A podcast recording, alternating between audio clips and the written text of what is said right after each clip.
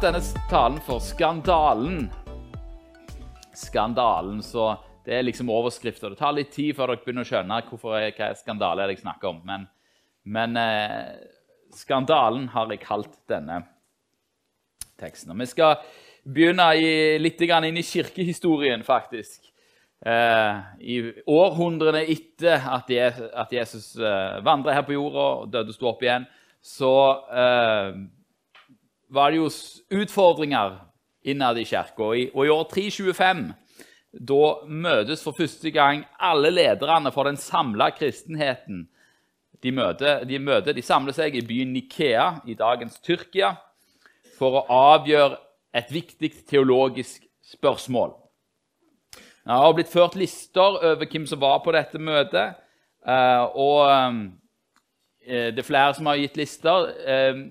Eh, på noen av de senere listene så dukker det opp en, en biskop ved navn Nikolaus av Myra, som da visstnok skal være til stede på dette møtet. Man er ikke helt enige om, om, om han var der eller ikke var der. Han var ikke på de tidligste listene, men han har blitt ført på seinere. Eh, han Nikolas av Myra han var en, uh, en, uh, en, biskop som var kjent for å gjøre godt, han var kjent for å gi til de fattige. Han var kjent for å redde mennesker ut av, av prostitusjon og forskjellige sånne ting. Um, og kjent for å gi gaver til barn, som da har gjort at han gjennom legendene har da blitt kalt for Sankt Nikolas, Sankta Claus, han som vi kjenner som julenissen. Um, mange legender om uh, da, Sankt Nikolas. Og, og, Det ene er jo da at han var til stede på dette viktige kirkemøtet i Nikea. Uh, og Der skal han visstnok ha blitt så provosert av det en prest ved navn Arius sa, at han ga han en strak høyre. Det gjorde at han ble fengsla og mista biskoptittelen for ei tid. Denne gode mannen som uh, Eh, ga gaver til barn, og som gikk rundt og godt, han ga altså en strak høyre til en som heter Arius. Eh, og sånt gjør man bare ikke, selv om man er teologisk uenige. Eh, og det, det, det, det, er jo derfor da de lærde strides. Var det derfor han ikke ble ført opp på lista på de første gangene? Fordi han hadde skjemma seg ut og skjemma ut Jesu navn. Men hva var det da som provoserte Nikolaus den ellers så sindige og glade og ja, biskopen til å faktisk fyre til Arius? Jo, det som provoserte han, er kampen om eh, det innholdet som vi da skal feire om ei uke. Og det er Dette var altså ved kirkemøtet i Nikea. Ja. Uh, og det er da hva er Kristi natur? Denne Arius han, eh, han hevder noen ting som, eh, som eh, ganske mange av hans samtidige var enige i. Men han hevda at Kristus han var det høyeste av alle vesener, men at han ikke var Gud. Og Derfor ble etterfølgerne hans forkalt for arianerne. og Et av deres slagord var da at det var en tid da Guds sønn ennå ikke var. I den arianske forståelsen så var Jesus skapt, ikke lik med Gud. Han var den første av alle skapninger. Det beste av mennesket. Utsøkt, fantastisk, uten feil, uten mangel. Han var konge, ja, til og med kongenes konge. Han kunne slenge alle, alles ærestitler på den godeste Jesus, men ikke Gud. Det var den store bøygen for arianerne. Så om de ikke klarte å komme over Det var dette faktum at Gud hadde blitt menneske.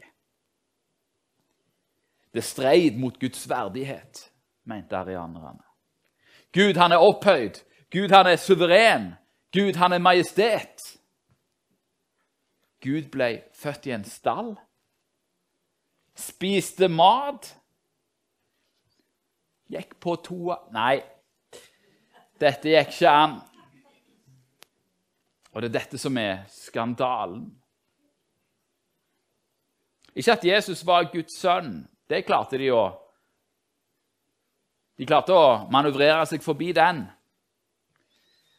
Ja, Sønn det er jo bare en sånn tittel som man får. Akkurat som om vi er Guds folk. sant? Guds sønn.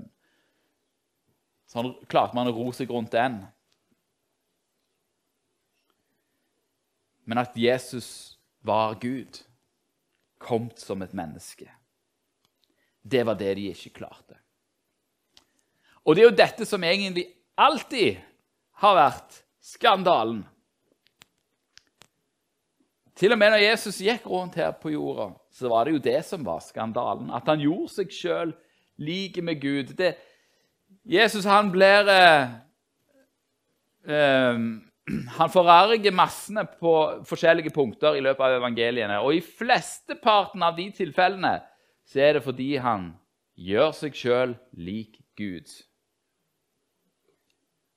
Johannes 5, 18, det er spesielt Johannes evangeliet som tar dette fram. Johannes 5, 18, så står det at derfor sto da judeerne ham enda mer etter livet. Fordi han ikke bare brøt sabbaten, men også kalte Gud sin egen far og gjorde seg selv lik Gud. Johannes 8, 56 snakker Jesus om Abraham. Så sier han, 'Abraham, deres far' frydet seg til å se min dag. Og han så den. Så han den langt framme. Han så den og gledet seg. Judeerne sa da til ham, 'Du er ennå ikke 50 år og har sett Abraham.' Jesus sa til dem, 'Sannelig, sannelig, sier jeg dere, jeg er før Abraham ble til.' Du må skjønne at 'jeg er' det er det Guds navn er. Guds navn er 'jeg er'. Så når han 'Jeg er' før Abraham ble til, så sier han at 'jeg er Gud'. De tok da opp steiner for å kaste på ham, men Jesus skjulte seg og gikk ut av tempelet. Dette var det som provos dette provoserte man, folket. De, så de tok opp steiner for å steine ham, men da skjulte han seg. Og Videre i Johannes 10, 30-33 så sier Jesus rett ut jeg og Faderen er ett. Og Judeerne tok opp steiner igjen for å steine ham. Og Jesus svarte de, mange gode gjerninger fra min far har jeg vist dere. Hvilken av de er det dere vil steine meg for? Og Judeerne svarte han, for noen god gjerning steiner vi deg ikke, men for Guds bespottelse, fordi du, som er et menneske, gjør deg sjøl til Gud.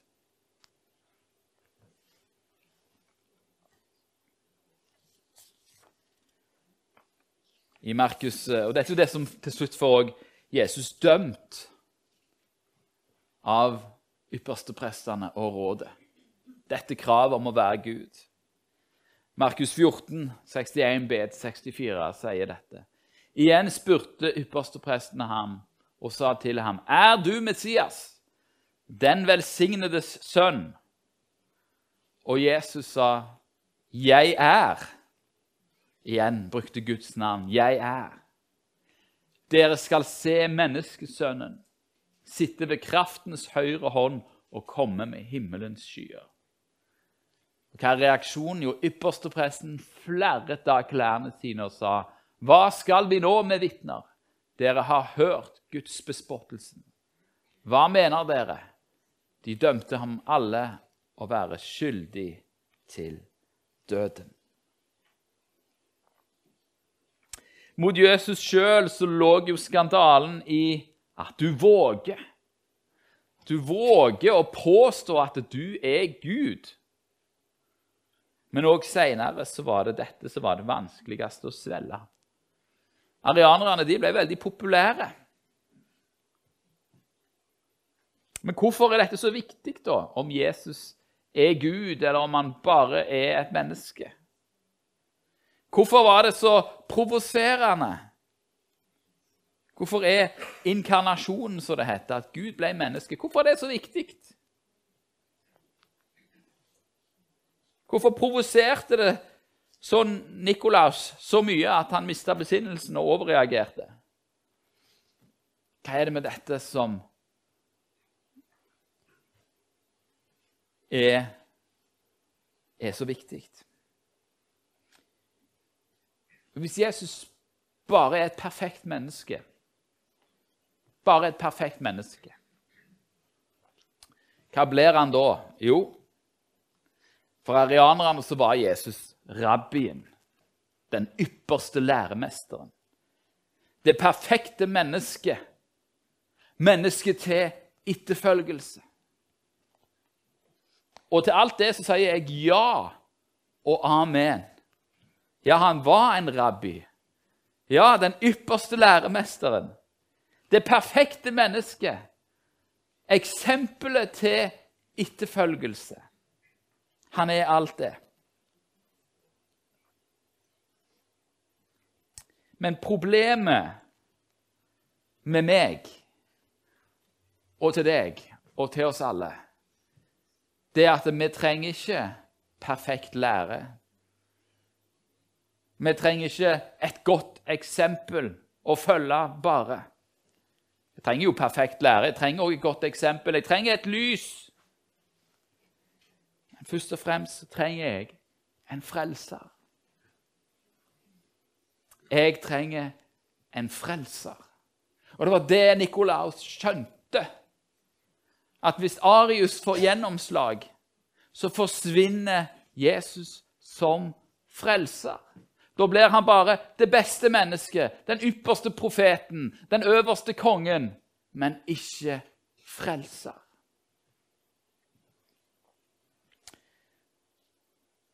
I eh, Gamletestamentet så må vi møte med en, en eh, profet, en nokså motvillig profet som heter Jonah. Og Jonah han eh, vil ikke gå på Herrens vei, så han prøver å flykte. Det ender med storm på havet. Han blir kasta i sjøen og blir slukt av en fisk. Og på en måte dør vel nesten, eller omtrent. Han er så godt som død, i hvert fall. Hvis du befinner deg langt til sjøs i buken på en fisk eller en hval, eller hva det måtte være, og du er liksom helt, da er du helt på bånn. Hva trengte Jonah? Trengte han, når han var der nede, trengte han et eksempel til etterfølgelse?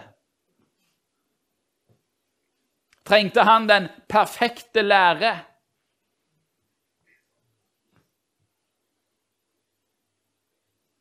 Hva hjelper den perfekte lære når du sitter i fiskens buk? Når du er låst i dødsriket? Det hjelper ingen lære da. Et eksempel hjelper heller ikke. Vi trenger en frelser. Jonah trengte en frelser. Og Hvis du går inn i Jonas kapittel 2, så vil du se Jonas sin bønn. Eh, sin bekjennelse og sin bønn ifra dødsriket. Og det siste som står i den bønnen, det siste som han uttrykker i den bønnen, det er 'Frelsen hører Herren til'. Og idet han uttrykker det, så kaster fisken han opp av sjøen og opp på land. Jonas 2,10 sier, 'Frelsen hører Herren til'. Jeg trenger en frelser, og det er bare én frelser. Det er Gud. Navnet Jesus betyr 'Herren frelse'. Selve navnet betyr 'Herren frelse'. Og I Matteus 1,21 så står det at hun skal føde en sønn, og du skal gi ham navnet Jesus, for han skal frelse sitt folk fra deres synder. En rabbi kan ikke frelse. En konge kan ikke frelse.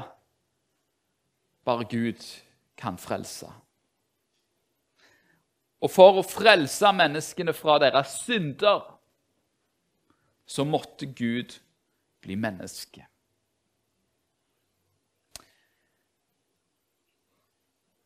Og det var en skandale. Egentlig så er hele historien, hele evangeliet om Jesus, den eneste store skandale. Første skandalen og viktigste skandalen og det man krangla om de første århundrene, var har faktisk Gud blitt menneske. Det var den største skandalen. Og ja, det har han. Han har ydmyka seg og blitt et menneske. Og gjennom sitt liv så fortsatte Jesus å være en skandale. Jeg var på Alive her nå på fredag. Og da snakket vi om hvordan Maria ble ved barn uten at det var noen mann involvert. Og Maria visste dette, og, og Josef han fikk òg vite dette. Men det var ingen andre som visste det. Hva tror du de tenkte? Ja, De tenkte at ah, Jesus han er født utenfor ekteskap. Det var det de tenkte. De skjønte ikke hva som var i ferd med å skje. Så Maria og Josef måtte bære skandalen av å være foreldrene til Jesus. Å være foreldrene til Jesus var en skandale for de, som de måtte bære, men som de bar. De valgte å bære den. Og Jesus han lever et uh, skandaløst liv. Han fortsetter å gjøre skandaløse ting. Han tar imot de prostituerte. Mennesker som folk som uh, levde uten feil og ønska å leve etter loven, de holdt seg langt vekke fra sånne mennesker. Du blir hvem du omgås. Det er mye sant i det. Men Jesus tok imot dem. Jesus tok på de spedalske, og de ble friske. Spedalske det, de skulle i hvert fall holde deg utenfor. De var utenfor leiren, de var utenfor byen. Fikk ikke lov til å komme inn, og de måtte rope at jeg er spedalsk, sånn at folk kunne flykte. Folk holdt de på ikke bare en armlengdes avstand med, mye mer enn en armlengdes avstand. Og Jesus, skandaløs som han var, gikk inn og tok på dem og helbreda dem.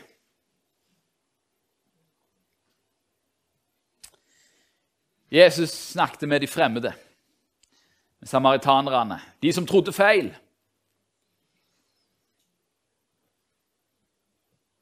De som nesten hadde det rett, men, Guds, men Jesus snakket med dem.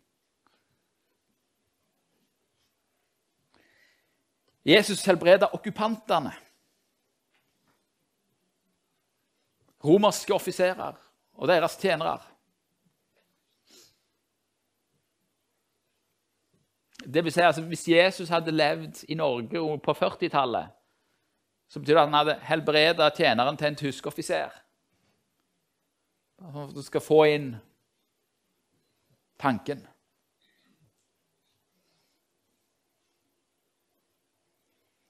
Så døde Jesus på den mest skandaløse måten man kunne dø på.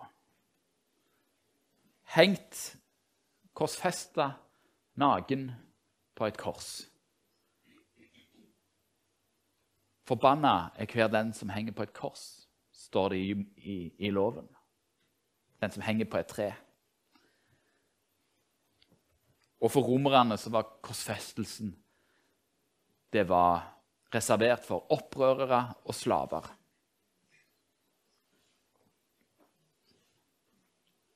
Så når Jesus henger på korset, så blir han sett på som en forbanna opprører av en slave.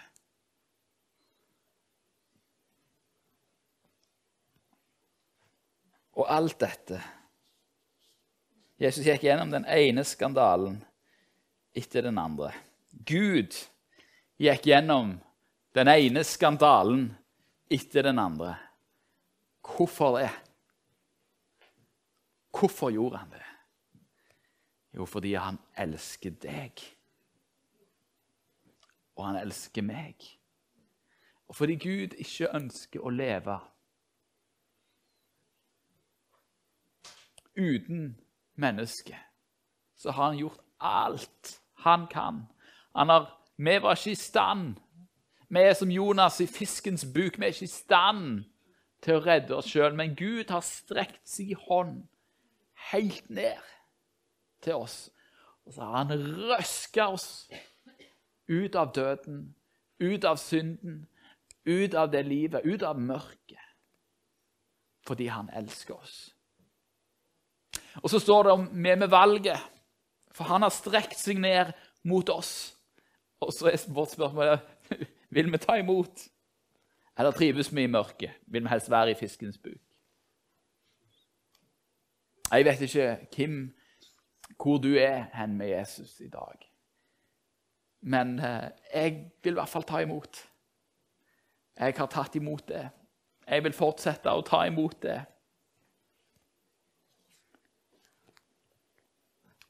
Og Jeg håper at du òg ønsker å ta imot det, hvis du ikke har tatt imot det.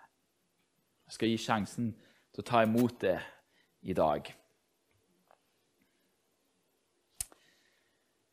Jesus han ble et menneske for å dra oss ut av verden, ut av døden, ut av synden, og gjøre oss til Guds barn.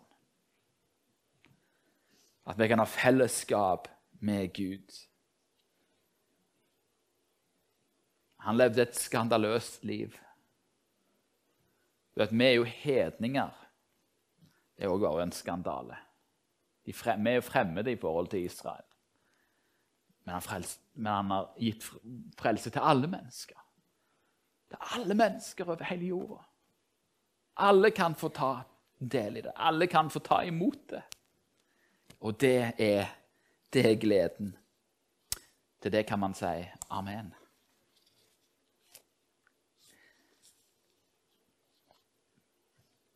I Hebreabrevet så, så sier Hebreabrevets forfatter at uh, snakker om at uh,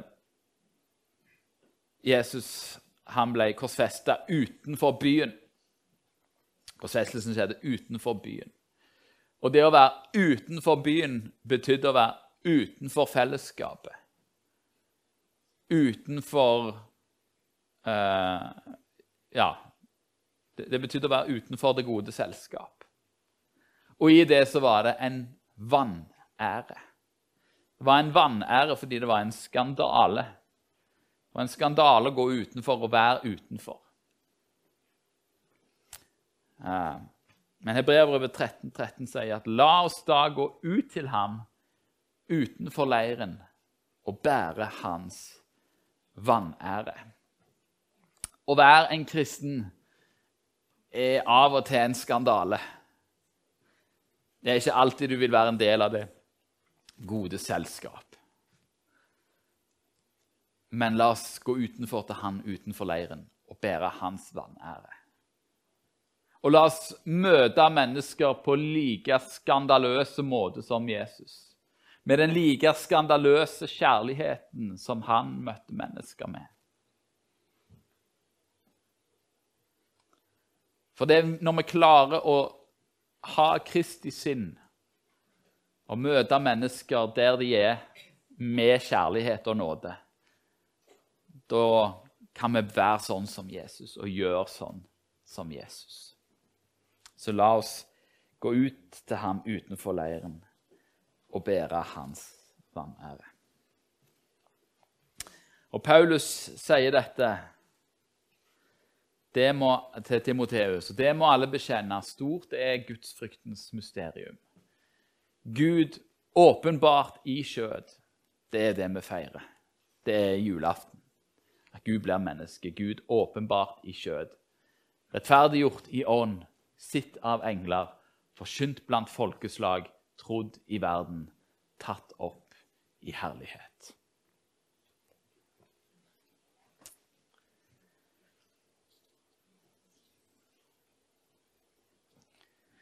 Så det er noen her vi, kan, vi lukke øynene litt.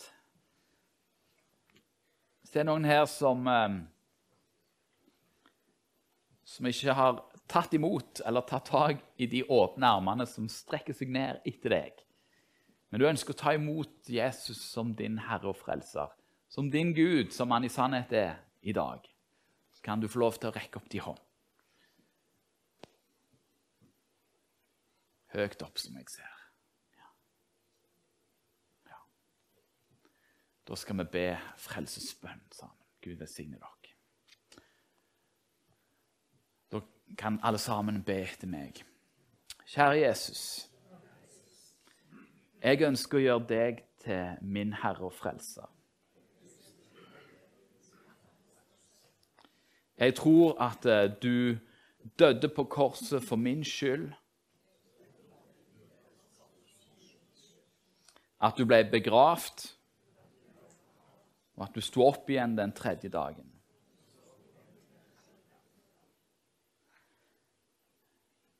Jeg tror at du døde for mine synder.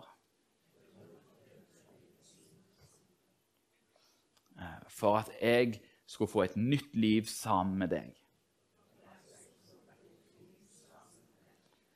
Jeg takker deg, Herre, for at jeg nå er ditt barn. Amen. Hvis du ba den bønnen for første gang, og du mente det, så er du nå et Guds barn. Og da oppfordrer jeg deg til å ta kontakt med, med, eh, med eh, noen som du eh, kjenner og stoler på. Snakk med Magnus, snakk med Snakk med Rudi, snakk med de eldste, snakk med noen andre, og bekjenn det. Når vi bekjenner troen på Han for mennesker, og om du tror på Han, så skal han bli frelst. Og Da vil jeg hjelpe deg til hvordan du kan leve livet med Jesus. Og Da kan vi gi en applaus for de som rakk opp sin hånd og ba denne bønnen i dag. Veldig bra. Og hva bedre ting er det å gjøre da enn fortsettelsen som er at vi skal feire nattverd sammen. Det vi feirer her, det er at Gud ble menneske. Gud ble et menneske som jeg kunne ta på. Og han har gitt sitt, sitt liv, han har gitt sitt, sin kropp og sitt blod for at vi kunne få ta del i hans kropp og hans blod, og sånn på den måten ble forent med Gud. Forlikt med Gud, altså rettferdiggjort. Er, dette er prisen som Gud har betalt for oss, sånn at vi kan stå rene og feilfrie. Men det er òg det som gjør oss ett med Gud. Som gjør at vi kan å, be til Han og forvente svar. Det står her. Nå skal jeg bare finne fram Bibelen.